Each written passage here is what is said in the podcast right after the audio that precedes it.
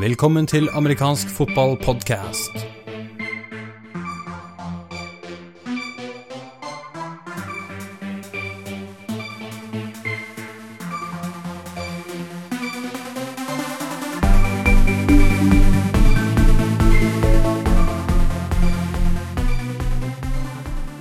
Velkommen til episode 22 av amerikansk fotballpodkast. Den nest siste for eh, 2016.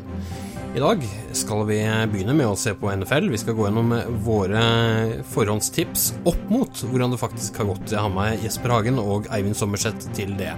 Deretter, så i periode tre, for vi bruker to perioder på NFL i periode tre så er det seeroppsett, det er det også i periode fire. Da er det Morten Midtsund jeg har med, mens vi går igjennom og ser på hvordan det ser ut for eh, våren 2017 her i Norge. Eliteserien, førstedivisjon, andredivisjon og U17. Vi tar for oss alt og eh, ser på det. Da er vi klare for første periode av dagens sending.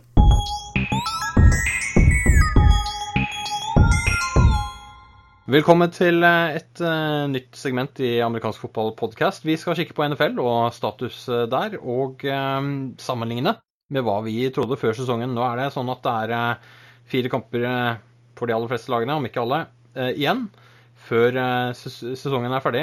Hvordan ligger de an kontra hva vi trodde på forhånd? Og vi kommer til å begynne med AFC, hvor første divisjon ut, det er AFC East. Jeg har med Jesper Hagen. Velkommen til deg. Tusen takk. Så også med meg Eivind Sommerseth. Velkommen til deg også. Jo, takk. Uh, AFC East, der er det New England Patriots på førsteplass med ti uh, seire og to tap. Miami Dolphins uh, syv seire, fem tap. Buffalo Bills 6-6. Og New York Jets slumrer rundt nede i bunnen med 3-9. Hvis vi ser på hva vi trodde på forhånd, så hadde vi altså da den situasjonen at vi hadde tippet New England Patriots som nummer én. Det traff vi jo på. Buffalo Bills hadde vi som nummer to.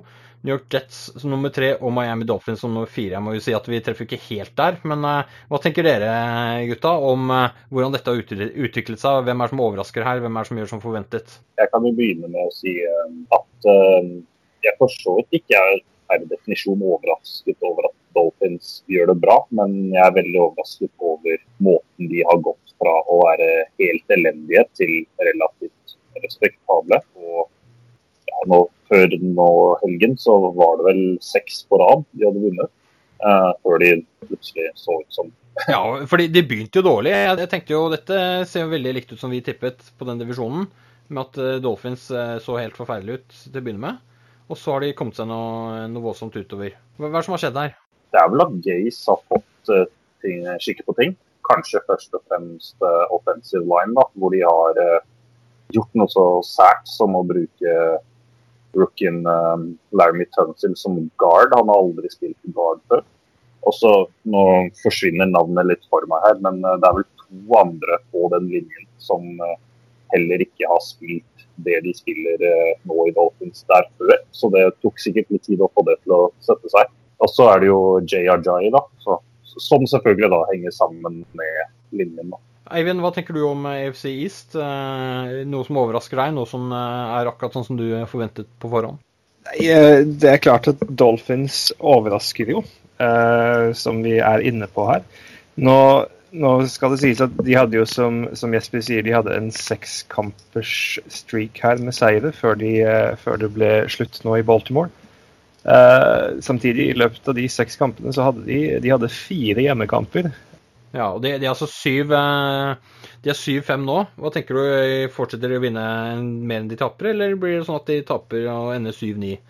Eh, nei, de ender ikke 7-9. De, eh, de, vinner noen av, av, de resterende kampene deres. De har tre kamper igjen mot divisjonen.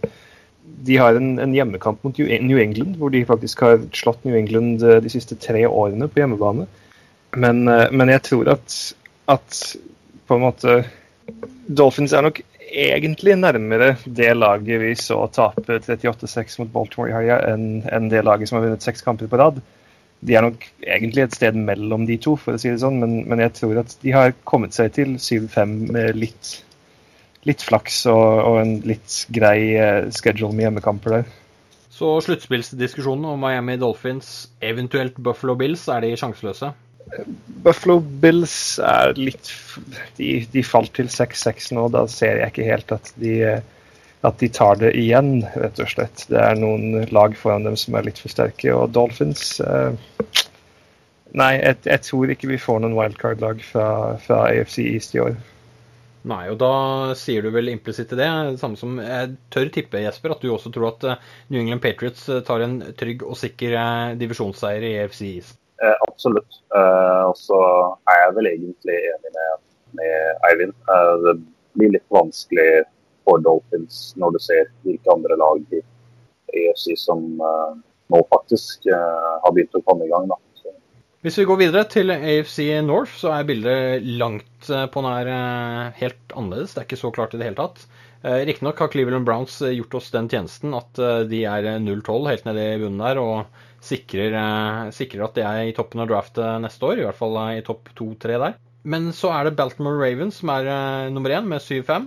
Pittsburgh Steelers er jo egentlig også nummer én, men de er altså nummer to på tabellen med 7-5. Uh, og Cincinnati Bengals 4-7-1 på tredjeplass. Vi tippet Pittsburgh Steelers som nummer én, eh, Cincinnati Bengals som nummer to, Baltimore Ravens som nummer tre og Cleveland Browns som nummer fire. Men eh, eh vesentlig avstand ned til Browns, og så et, et hakk fra eh, Ravens opp til Bengals og Steelers. Det har ikke helt blitt sånn. Eh, tanker om det? Vel, den skuffelsen her er vel Cincinnati, for å, for å si det veldig greit her. Uh, de er et lag som har vært i sluttspillet er det de siste seks årene eller noe sånt under Marvin Lewis. De har selvsagt ikke gjort det så veldig bra når de har kommet til sluttspillet, men de, det var jo noen faresignaler der før sesongen, selvsagt, eh, med, med en del spillere som forsvant ut, og også eh, forandringer på coachingstaffen. Men, men man må jo allikevel si at, at 4-7-1 er, er, ikke det man kunne forvente av Cincinnati i år. Jesper, hva tenker du? Eh, veldig enig. Selvfølgelig, de har mistet eh, noen viktige spillere og Hugh Jackson til Cleveland. Men eh, absolutt tenker uh, at uh, det er nok kontinuitet der til at de skulle vært der oppe. Særlig, særlig siden det er jo ikke det er jo ikke fantastiske utgaver av i hvert fall ikke Ravens, og, men heller ikke Steelers vi ser her heller i år, altså. Nei, Så du tenker at her er det ikke noe lag som ender opp helt inne i Superbowl? du skal jo aldri eh, si aldri. Altså, det Laget har jo snublet seg inn i playoff og vunnet uh, ja. hele greia mer enn én en gang før, for å si det sånn. Uh, dere vet sikkert hvem jeg tenker på. Men uh, nei, altså jeg tror F.eks. Steelers da, tror jeg har greie muligheter hvis de først kommer seg inn. da De vet jo aldri hva de finner på, egentlig. og De har jo et par vanvittig gode spillere, spesielt i angrep. så jeg tør, tør, tippe på at du tenkte på New York Giants eh, eh, når det gjelder Superbowl, er det riktig? Det kan stemme. Greit. Eh, da vet vi at eh, tilliten til Eli Manning kanskje kan vi komme tilbake til litt senere i sendingen. Eh, vi går videre til AFC La meg si det sånn, da. AFC North. Eh, Ravens og Steelers, det er de det står mellom for divisjonsseieren. Det er noen som er uenig i det? De, de møtes jo nå første mm. juledag. Mm. På kvelden første juledag, Ravens mot Steelers. og det kan jo virkelig bli en eh, god kamp. Da er det kanskje verdt å eh, droppe eh, julemiddagen med svigerfamilien og, og, se den kampen.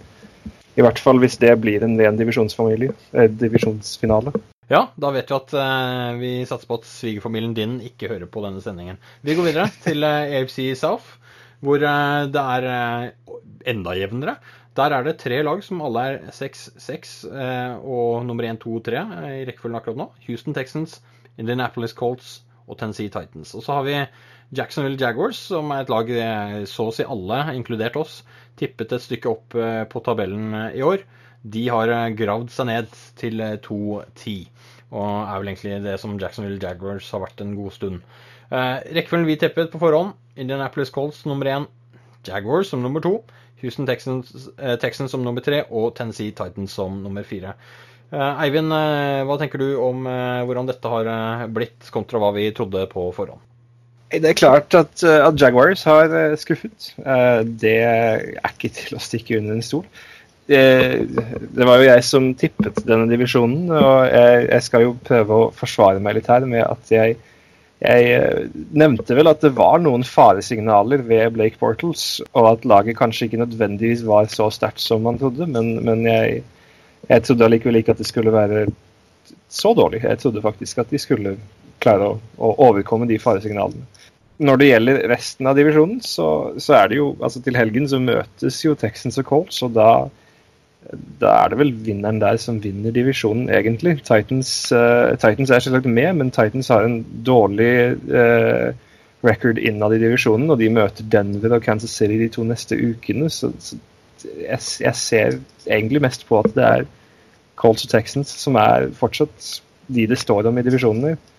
Og jeg tror egentlig at, at vinneren til helga, de, eh, de vinner også divisjonen.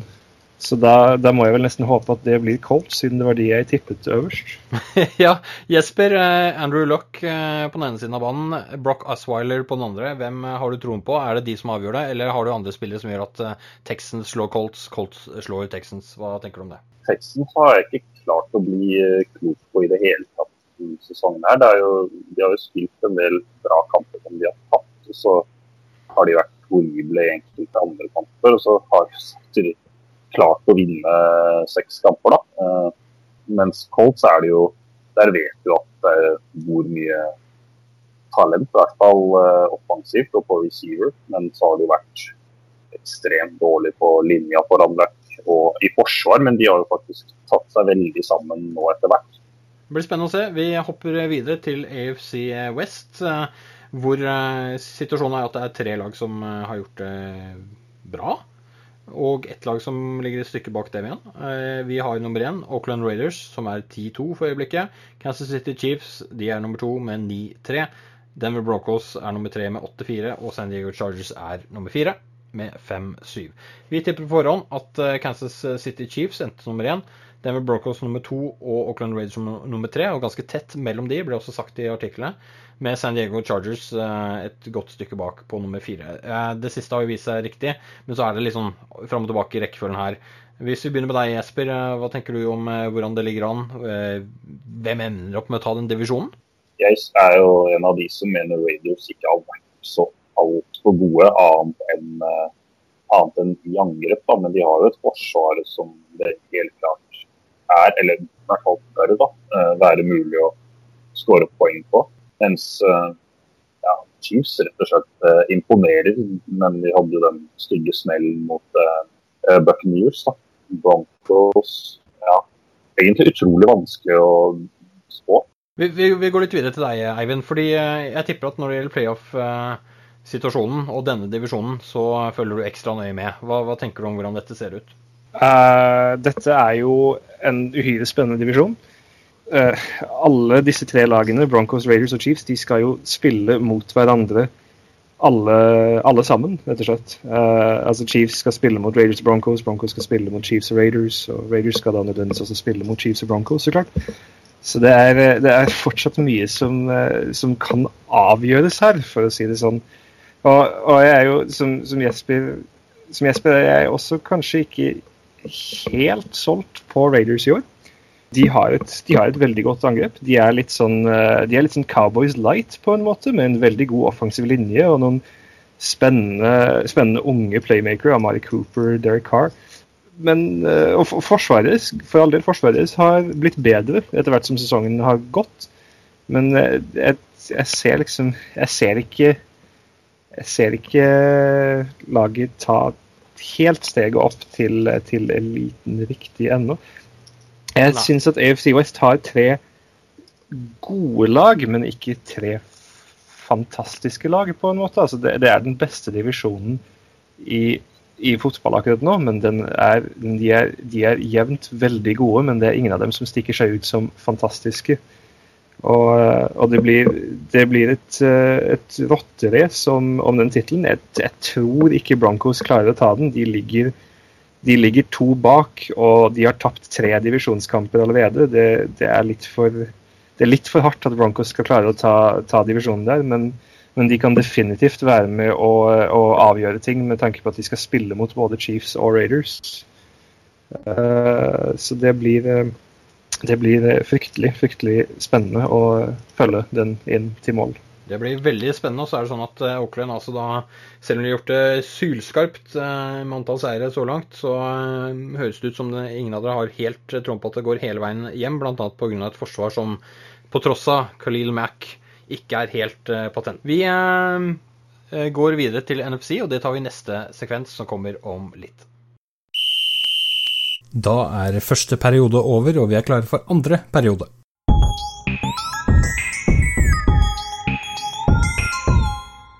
Da er vi tilbake med en uh, sekvens hvor vi ser på NFL og uh, hvordan det står til der, eh, kontra hvordan vi satte det opp før sesongen og at vi trodde det kom til å gå. Vi har kommet til NFC, og der er det mye som foregår. Vi har fremdeles med oss Eivind Sommerseth og Jesper Hagen. Vi begynner med NFC East, hvor laget som ligger på topp, med elleve seier og ett tap, er jeg, Dallas Rookies, men i hvert fall Dallas Cowboys.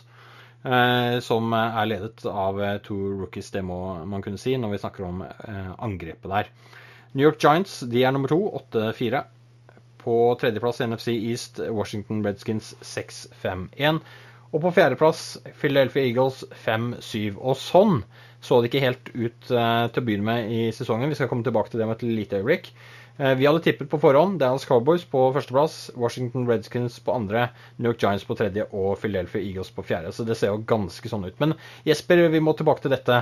Philadelphia Eagles de lå godt an i begynnelsen av sesongen, og så har det skjedd noe. Hva tenker du om det? Jeg tenker vel at uh, Forsvaret først og fremst har uh, holdt litt sammen. Det er jo uten Fletcher Cox har ikke en sack på åtte kamper, f.eks. Og vi har én sack på de tre siste. Ja, I det hele tatt Forsvaret først og fremst. Også uh, ja, Det er jo lett å peke på enkelte ting som uh, wide receiver-produksjonen er jo uh, helt skandaløst dårlig. I tillegg så har var playcallingen til Doug Peterson utrolig bra til å begynne med, og så var det veldig mye rart. Og så har det tatt seg litt opp igjen, og så har det vært en del rart igjen. Så Eh, det er en, eh, egentlig en salig blanding eh, av ting, rett og slett. Pluss litt skader, da, naturligvis. Det hører jo alltid med, men det gjør det jo for alle lag. Jesper, du nevner ikke Carson Wentz inni dette her. Det er med ikke noe sånn han har blitt avslørt. NFL-lagene har mer film på han. Hva tenker du om hans, hans bidrag inn her utover i sesongen? Eh, jo, det, var, det glemte jeg for så vidt, egentlig. Eh, det var vel mer det at han er såpass langt nede på listen over problemer at eh, ja. eh, Men jo da, det, det, stemmer helt sikkert det. Det har jo uten tvil vært eh, mye mer eh, variabelt spilt fra hans side. Mye Ser ut som han sliter litt med kastemekanikken, uten at jeg er den rette til å evaluere det. Men det er veldig mye pasninger som går over, eh, over eh, spillerne sine, og det har en tendens til å bli eh, interceptions av. Ja, han har elleve interceptions hittil i sesongen, så det har blitt litt. Uh, Eivind, dette er, jo en divisjon hvor Dallas Cowboys har dominert som vi egentlig forventet, men vi så for oss at det var Tony Romo som skulle stå i front av det. Hva, hva tenker du om den divisjonen og hva som har foregått her? Vi, vi, sa vel noe på en podkast her for en stund tilbake om at uh, et, etter at det ble tydelig denne skaden til Romo, så sa vi vel at, at det var betenkelig, men at, at Dac Prescott var i hvert fall en, uh, en uh, habil backup. og, om vi må vel kunne si at han har vist seg å være en habil backup. det er vel understatement of the year, tror jeg. Eh, den der. Men hva tenker du? Ezekiel Elliot, eh, running back, kommer inn, eh, dominerer Må kunne si dominerer i NFL hittil. Er dette altså, som forventet, eller er det helt eksepsjonelt det vi ser? Det er jo, det er jo ganske eksepsjonelt at to rookies som, som, det der kan, kan gjøre noe sånt. Jeg, hva var det? Det var noen som hadde en stat på det på starten av sesongen at, eh, at uh, sist gang Dallas starta en rookie på quarterback og running back, det var vel det var vel i rookieåret til jeg tror det var Roger Staubach eller noe sånt. Uh, som jo er en stund siden. Uh, nå gikk det jo bra med Staubach også, for så vidt. men, men altså, jeg syns jo man må jo gi veldig mye ære her også til den her linja til Dallas, som Uh, altså, altså, Ezekiel Elliot har vært en, en, fryktelig god rookie running back, men han har veldig gode forhold som han løper bak. Det må vi, det må vi få lov til å si. Hva tenker du om divisjonen, Jesper? Jeg antar at Philadelphia Eagles ikke tar førsteplassen, men kan de kare seg oppover, eller hvem, hvordan ender dette her? Ja, altså, nå er jeg egentlig ganske optimistisk av natur på Eagles vegne, og vi møter jo faktisk eh, Redskins hjemme nå på søndag. Og vi har eh, Giants og Cowboys hjemme. Cowboys i um, siste runde, hvor de muligens allerede har vunnet. I tillegg til at uh, da schedulen til hvert fall Giants nå blir merkbart vanskeligere etter at de uh, kun har møtt middelmådige lag, eller kanskje dårligere enn det igjen også, hittil. Fram til nå, selvfølgelig. Men um, Nei, jeg vet ikke. Jeg tror, du, jeg tror, vi kommer til å gi det et, eh, et bra forsøk. Men eh, jeg tror vel egentlig kanskje ikke at uh, noe wildcard-lag kommer herfra, med mindre Giants uh, skal begynne å spille bra mot gode lag. Hva tenker du, Eivind? Jeg tar nesten for gitt at du ser for deg at Dallas tar divisjonseieren hjem. Men hvis vi snakker Eller ja, hadde du noen andre, andre tanker rundt det? Nei, ingen andre. Jeg skulle til å si at, at, Dallas kan vel i teorien faktisk sikre home field advantage for sluttspillet denne helgen. Uh, det sier litt om hvor langt foran de andre lagene de er. Så ja, definitivt Dallas tar, tar denne divisjonen. Uh, jeg er litt fascinert her. Uh, Jesper sier at, at han tror at Giants bare en kanskje til eh, wildcard. Uh, nå er det viktig som han sier at de har en, de har en tung De har fire vanskelige kamper. da, eller de har, de har Eagles og tre vanskelige kamper. Men, men, divisjonskamper er jo alltid vanskelig uansett. Så, så men, men de er jo et 8-4-lag. så det er, en, det er jo en Man må jo nesten kalle det en bold prediction å si at et 8-4-lag ikke skal ende opp med å karre til seg nok seire til å gå til, eh, til sluttspillet. Da. Ja, da tenker du sikkert også på at hvis vi ser på NFC eh, totalt, så er det ikke akkurat flust av lag på andre-tredjeplass eh, som ligger med den typen sifre. Så Nei. muligheten er der. Det blir spennende å se. Vi går videre til NFC North, hvor Detroit Lions ligger på førsteplass, 8-4. Ikke helt tilfeldig, det, kanskje. Minnesota Vikings eh, og Green Bay Packers er 6-6, med henholdsvis eh, Vikings på andreplass, eh, Packers på tredjeplass og Chicago Bears 3-9. Her er det kaos kontra hva vi tippet på forhånd. Eller det vil si vi tippet dårlig her. Hvis vi ser på liksom, hvordan det ser ut akkurat nå, hvor vi hadde Green Bay Packers på første, det var nok fryktelig mange som hadde. Minnesota Vikings på andre, Chicago Bears på tredje, og så Detroit Lions på fjerde. Det er jo snudd på hodet.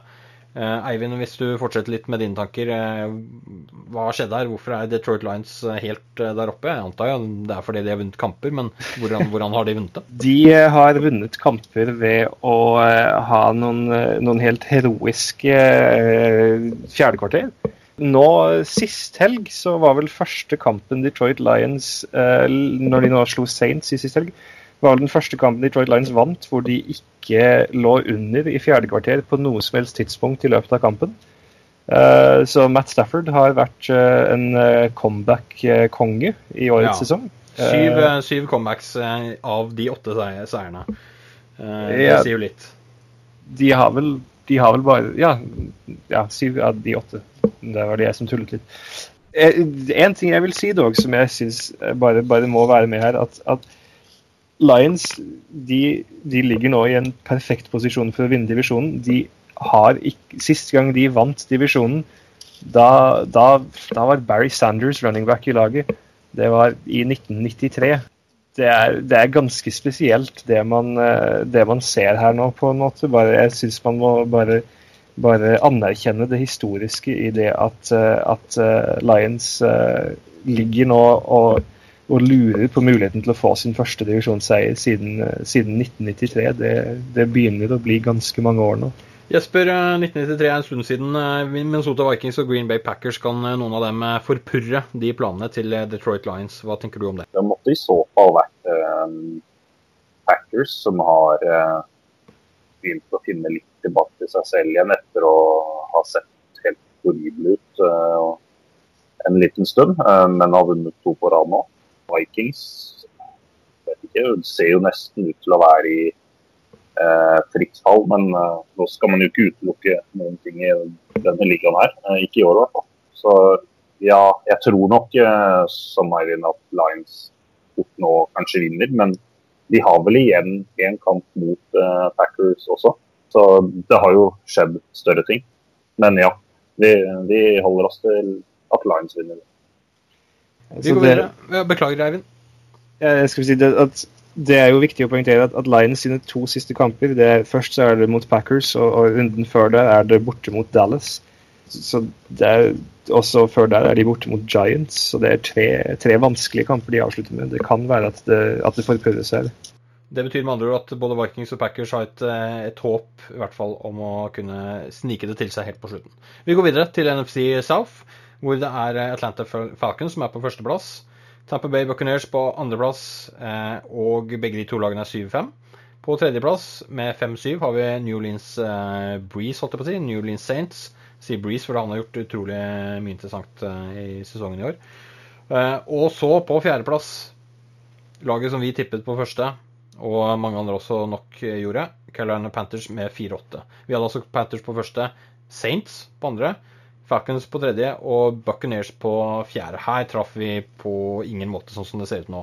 Eivind, kommer dette til å eh, holde seg ved like, eller kommer vi til å se endringer nå i, i, slutten? Det er godt mulig at vi får se endringer her, uh, med tanke på hvor jevnt det er mellom Tampa Bay og Atlanta nå.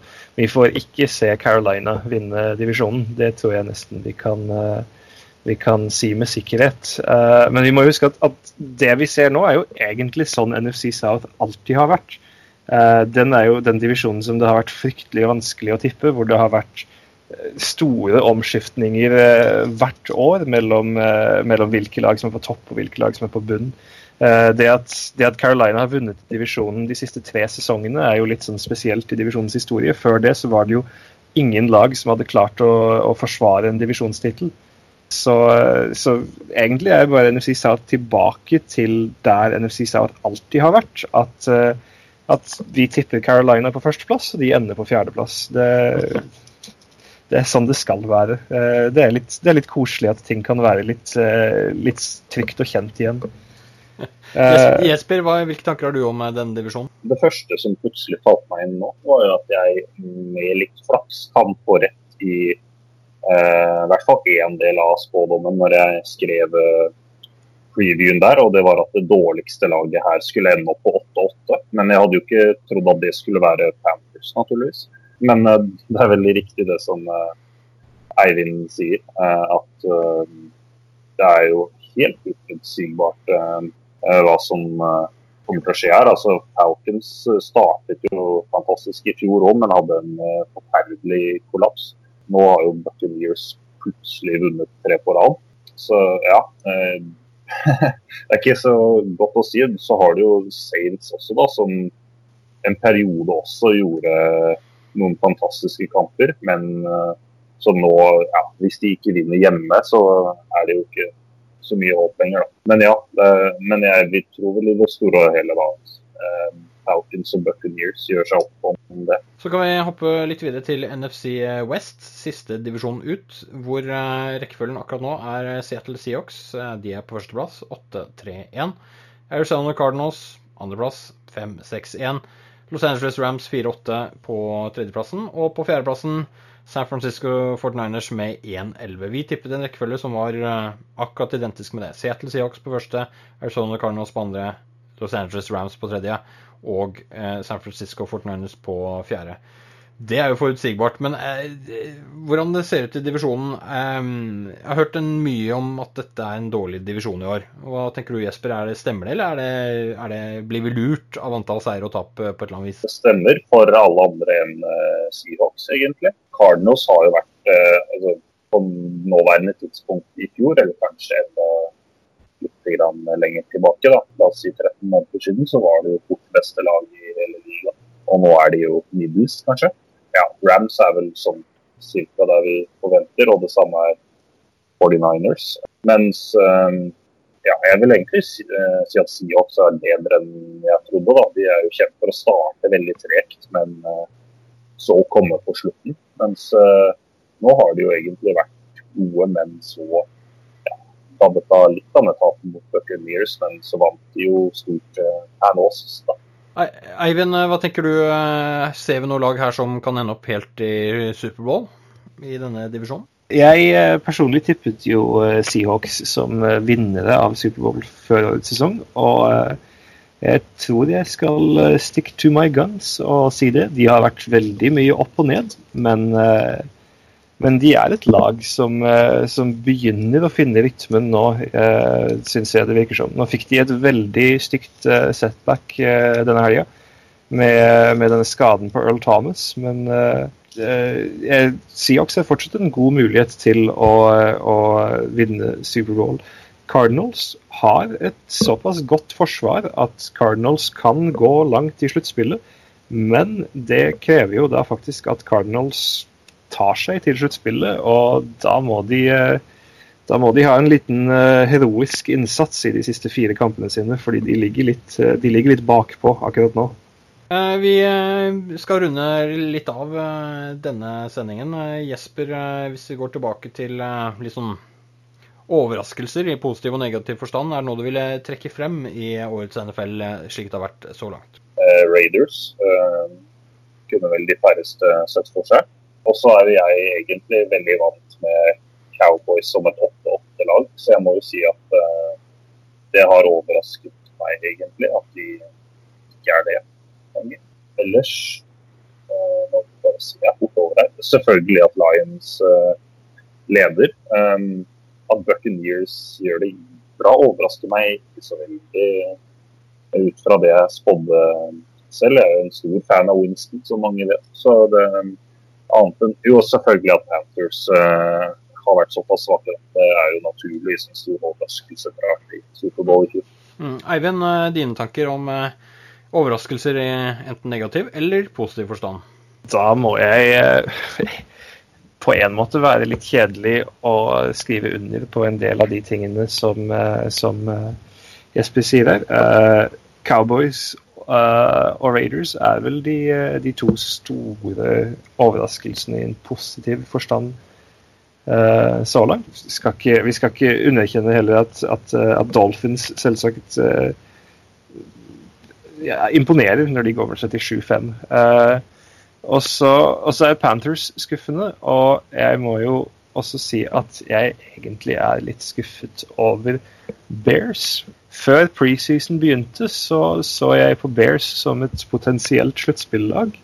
Uh, så gikk det ikke så bra med dem i preseason, og så har det fortsatt å gå dårlig med dem i sesongen også. Og jeg uh, føler at det er litt skuffende, men det, det er kanskje mer en, en, egen litt sånn privat, uh, privat overraskelse. resten av NFL-verdenen forventet vel kanskje at det skulle komme fra Bears.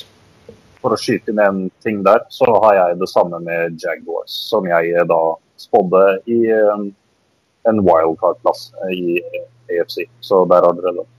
Ja, og det var du på ingen måte alene om. Det var det mange pundits, som det heter, rundt omkring, som hadde tro på. Så Jaguars har vel skuffet uh, store deler av NFL-verden, må man kunne si.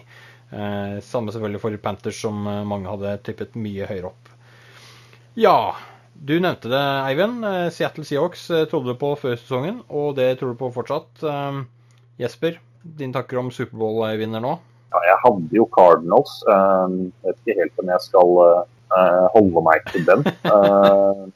Jeg tror vel egentlig at jeg nå rett og slett bytter conference og går, går Patriots, rett og slett fordi jeg nekter å tippe Cowboys. Greit. Da har vi det. Og da sier vi tusen takk til dere for at dere var med i dagens sending, og så snakkes vi snart igjen.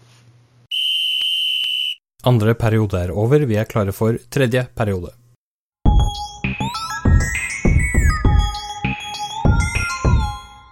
Da skal vi ha en sekvens hvor vi ser på noe som har dukket opp eh, nylig, nemlig oppsettet for seriene i Norge våren 2017. Jeg har med Morten Midtsund, velkommen til deg.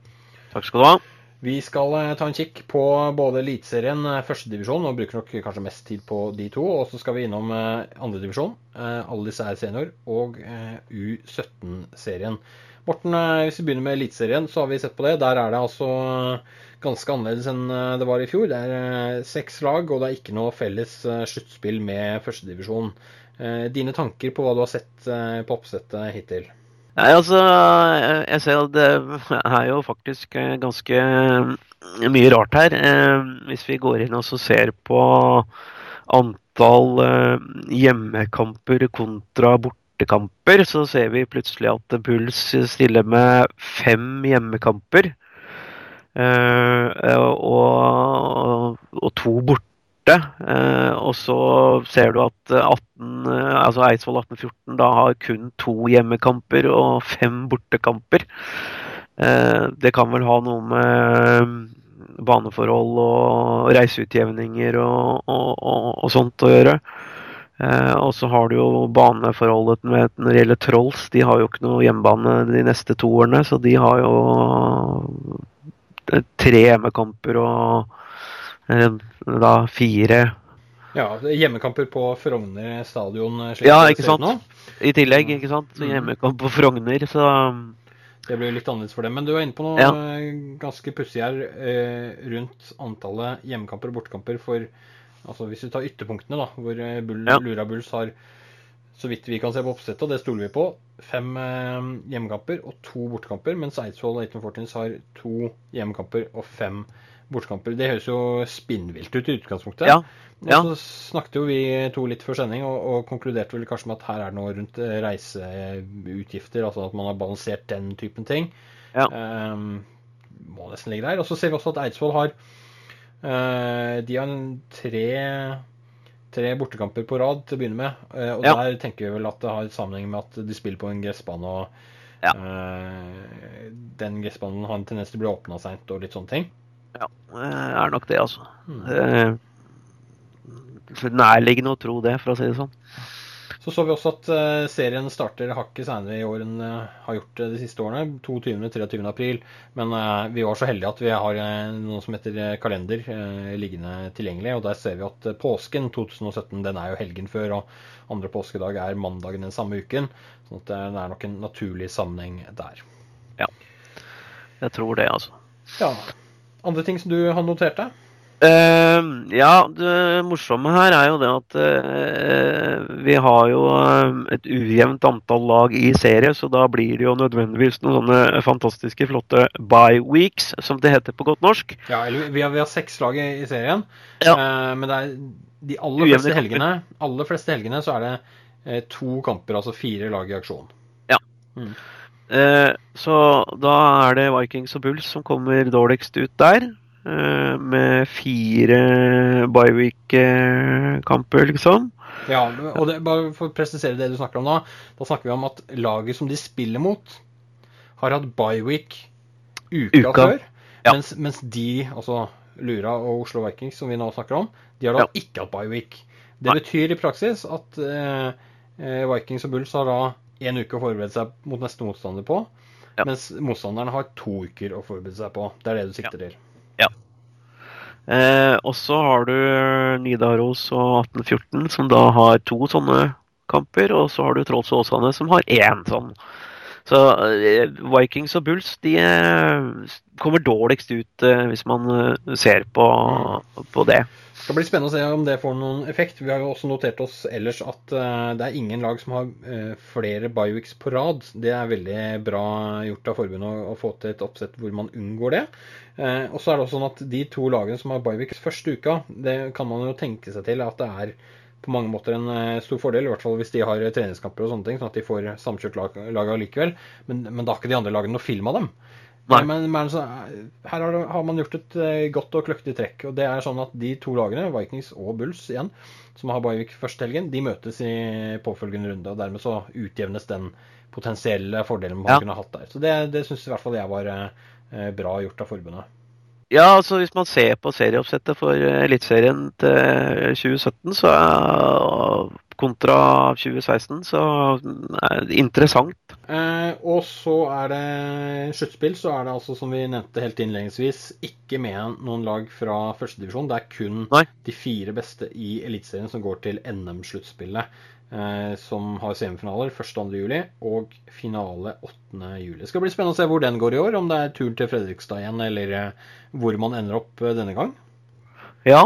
Eh, det er ikke Jordal, såpass vet vi. Ja, det vet vi jo. Jordalen den er jo borte nå. Jeg har vært en tur ned på Jordal og sett på det, og man ble vel kanskje litt Ja. Det var ikke pent. Nei. Så spennende å se. Eh, kanskje det er eh, Tromsø kanskje skulle søkt om å få Ja. Ja, på en måte én eh, offisiell kamp der i år. Ja. ja. Eller neste år, mener jeg. Um, ja. Vi kan hoppe litt videre til uh, førstedivisjon. Ja. Der er det et oppsett som også begynner den helgen. 23. april, søndag 23. april er vel da Kristiansand. Og åpner ja. etter å ha rykket opp fra andredivisjon til eh, førstedivisjon. Og de åpner da hjemme mot eh, Haugesund Hurricanes, mens eh, samme dag og samme tidspunkt så tar Olavs menn imot Kolbotn Hunters. Og I tillegg til de fire lagene så hadde vi vel med Drammen Warriors. Så det er fem lag i årets førstedivisjon. Hva tenker du om det du ser der, Morten? Det, altså, Det morsomme her er at for et par uker siden så hadde jeg en liten sånn hva skal vi si for noe, uoffisiell prat med Travis Cornwall i Olavs menn. Eh, om liksom hva, hva, han tenkte om neste års, eh, neste års eh, sesong. Og det han gleda seg mest til, det var jo det at eh, han skulle møte Kolbotn Hunters igjen. Så det er, kan jo kanskje bli en interessant kamp. Eh, det er et, to lag som egentlig som har, virkelig har forstått den der biten med det at eh, av banen så er man kjempegode venner. På banen så vil du helst liksom hogge hodet av motstanderen, liksom. Så jeg tror begge de to lagene gleder seg til å møte hverandre. Uh, en litt annen kuriositet her er jo det at, som du sa, det er fem lag i, i andredivisjon.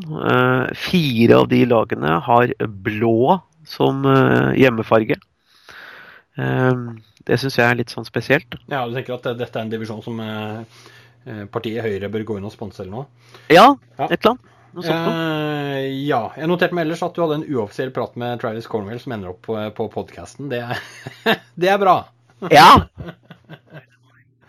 Vi noterer oss også at i førstedivisjon så er det en eh, serie og ikke noe sluttspill. Det er Eh, fra 23. april med siste serierunde 25.6. Og da er det ja. snakk om hvem som vinner og ikke, så, så, er det hvem som har vunnet serien, og ferdig med det.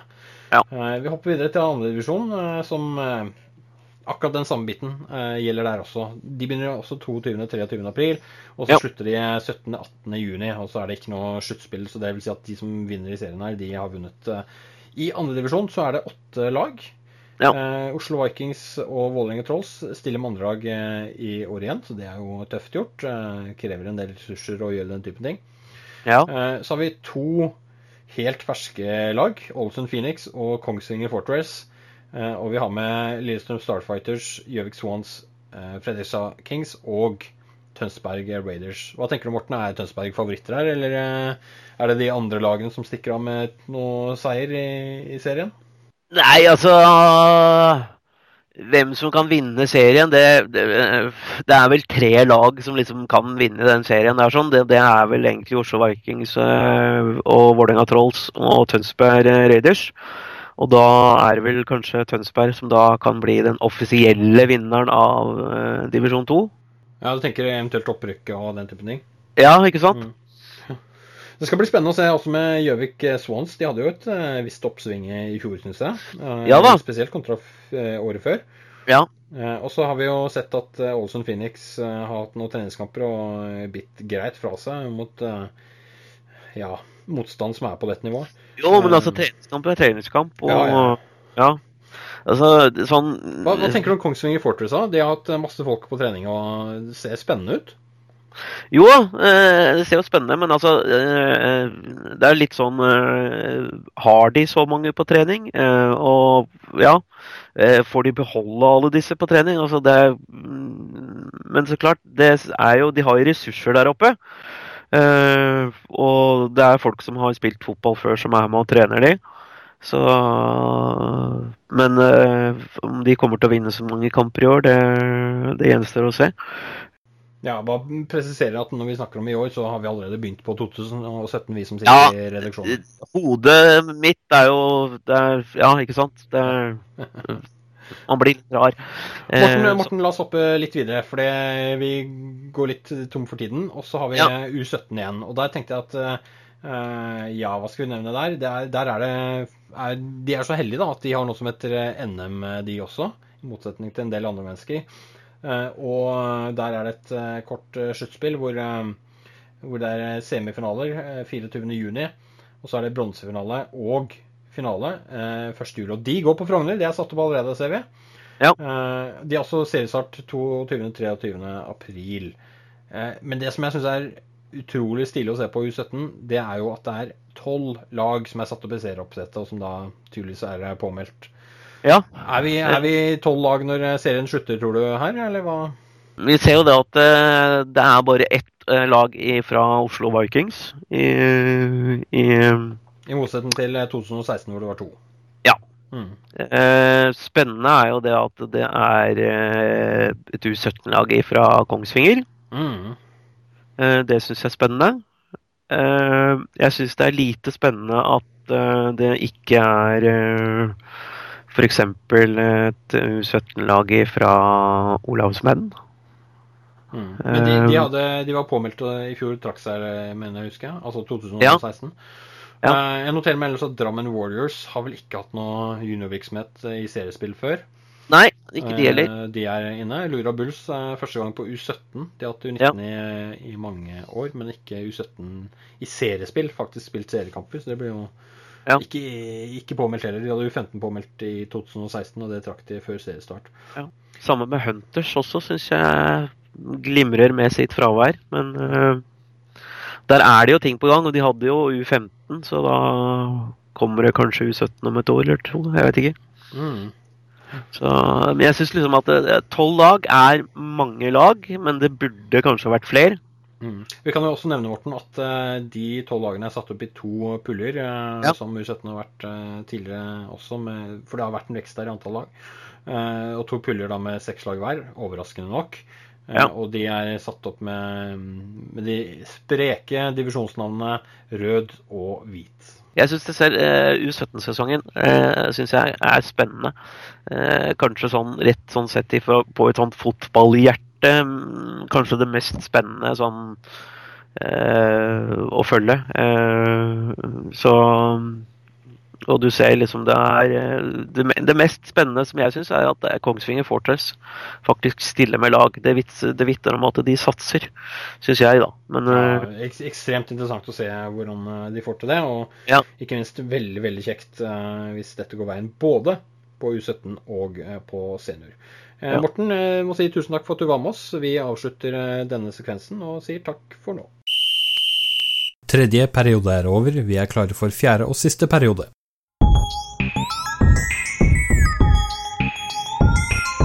Vi skal egentlig fortsette litt på samme tema. Nå er det sånn at Vi gjorde et opptak i går rundt serieoppsett, og det var det du nettopp hørte.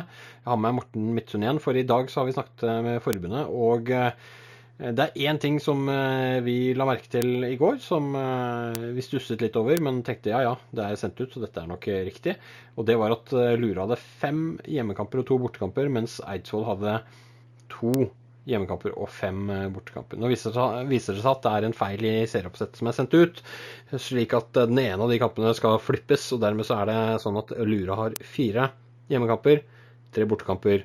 Eidsvoll har tre hjemmekamper og fire bortekamper. Og Så skjønner man da at det er syv kamper i serieoppsettet, og dermed så er det flere lag som har fire hjemmekamper, tre bortekamper, og noen som har tre hjemme og fire borte. Morten, eh, ja, da vet vi det. Ja. Eh, jeg legger fortsatt merke til det at Eidsvoll de har jo da fått en uh, liten fordel ved at de har uh, bye week uka før semien. Men den aller største nyheten er vel det at vi har nylig fått nyss i det at Greg Claydon gir seg som hovedtrener i Eidsvoll. Uh, så det spørs jo egentlig hvor mye akkurat det har å si, i og med at de da må mest sannsynligvis jobbe hele forsesongen med å få inn et nytt system, ny hovedtrener og det som det medfører. Ja, litt, jo... litt, avhengig av hvor de henter trenerressurser og sånne ting. Hva, hva tenker du ja. at altså, nå, nå, nevner du jo noen faktorer, men hva tenker du om at Greg Clyden forsvinner ut derfra? Det syns jeg er merkelig. Uh, det er liksom en uh, fyr som har vært i klubben nå i fire år og har hatt kjempesuksess på juniorsida. Og, og uh, ble årets trener både i ja, var det forbundet han fikk noe greier, og så ble det vel noe stemt bort ifra noen trenere du korrigerer meg hvis jeg sier noe feil. Ja, men, det er gitt ut tre trenerpriser i år. Eh, årets trener fra forbundet, som de har eh, hatt en komité på, hvor eh, Greg Clyden vant. Årets juniortrener, også fra forbundet, som Scott Bower vant. Og så er det årets trener i Eliteserien, eller Ålstad-lagets årets trener, som trenerne i Eliteserien stemte fram, og det ble Jesse Alderfer. Ja. Men det er ingen tvil om at Greg er en markant trener. Tror du han finner seg noe nytt lag i innen kort tid? Ja, det syns jeg det er merkelig hvis det er ingen som uh, griper tak i han, for å si det sånn. Det, det syns jeg er uh, Han er jo en ressursperson som uh, Når dette her treffer resten av Fotball-Norge, så er det en eller annen som bør kjenne sin besøkelsestid og bare Ja, har du lyst til å komme til oss? Mm, det skal bli spennende å se, og ikke minst så blir det spennende å se hva som skjer på Eidsvoll. Det er ingen tvil om at det finnes ressurspersoner der oppe og mange dyktige spillere. Så det blir spennende å se hvordan de ser ut i 2017. Eh, vi må ta med oss noen flere ting, Morten. Eh, jeg har snakket med Marie Solhaug fra, fra forbundet tidligere i dag, og hun eh, nevnte noen elementer som, som, de hadde lagt vekt på i dette med serieoppsettet. Det, det var det primært det sportslige lå til grunn. Det er ikke tatt hensyn til ting som f.eks. administrative, økonomiske elementer. Det betyr jo nødvendigvis at eh, noen dag kan få tyngre økonomiske utfordringer enn andre. Det ser man blant annet på Haugesund på U17. Der er det tatt noe hensyn i etterkant, riktignok, men ikke i selve serieoppsettet. Og så er det f.eks. hvis man har et U17-lag, og man har et førstedivisjonslag, andredivisjonslag, eliteserielag, eh, så er det ikke sett på at, eh, at det ene laget spiller hjemme på den ene kanten av landet, og det andre spiller borte samme helg. Slike hensyn er altså ikke tatt. Eh, hun nevnte noen flere ting.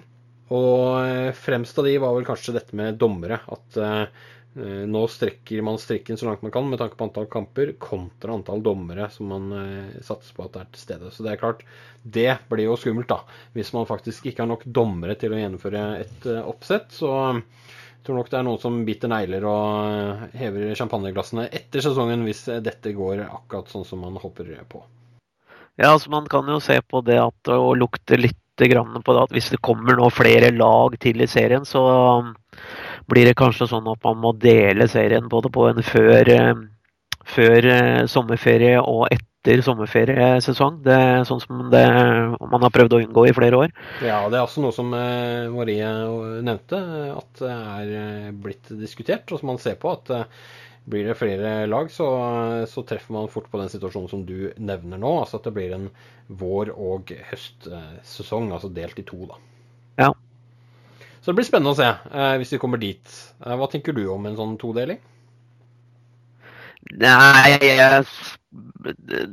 den blir dyr. Altså det, det, det, er jo noen lag som har, og spesielt Eliteserien, som har eh, importer. Eh, og det er å holde på disse importene, så den kan jo bli dyr for de fleste laga. Så eh, jeg tenker det at eh, skal man unngå det, så bør man kanskje prøve å rekruttere litt mer dommere. Så, men sånn for Fotball-Norge å holde interessen oppe blant så syns jeg det absolutt Jeg skjønner ikke hvorfor man skal plutselig avslutte før før eh, ferien, og så er det ikke noe mer, liksom. Nei.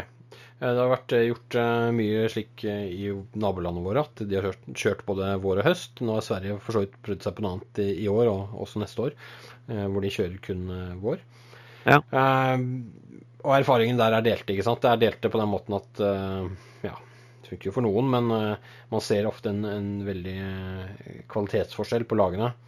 Uh, før og etter sommerferieoppholdet, og ikke minst rett etter sommerferieoppholdet. Så det blir spennende å se når vi kommer så langt som uh, til at det eventuelt er en realitet. Uh, Morten, andre ting du tenker på som eh, vi ikke var innom når vi snakket om serieoppsettet i går? Uh, nei, jeg syns vi egentlig fikk med oss det meste. Uh, jeg vet ikke om det er noe du tenker på? Nei, først og fremst så er det jo dette med eh, å korrigere den eh, tingen som vi nevnte i går, som eh, Ja. viste at det er jo sendt ut feil. Og det, Ja. da, da var det litt vanskelig å gjette. Men det er derfor det er fint å kunne snakke med folk, sånn at vi får korrigert tingene før, før det publiseres altfor mye. Eh, og så tenker jeg eh, Det ble også nevnt at det er gjort en del arbeid i forbindelse med det oppsettet som si, på matematisk nivå. Det er noen som har en del kompetanse på det, som har satt opp egentlig oppsettet i utgangspunktet, basert på en del kriterier gitt fra forbundet. Og Det syns jeg samsvarer godt med det vi snakket om i går, med hensyn til f.eks. at ingen lag har eh, flere bye weeks eller Ja, fri, ikke på rad. Eh, og eh, så var det vel kanskje ting som vi nevnte som eh, man ikke var helt sikker på fra forbundets side om var intensjonen, altså ment sånn eller ikke, men som har blitt bra likevel. Så det, det lover godt. Det skal bli spennende å se når lagene kommer på banen, og det gleder vi oss til. Ja. Det som jeg syns er mest spennende, er liksom, hva, hva skjer på Eidsvoll. Det syns jeg er mest spennende. Så vi får bare vente og se, og glede oss til sesongen 2017. Det vi. Takk for at du var med denne gangen også, Morten.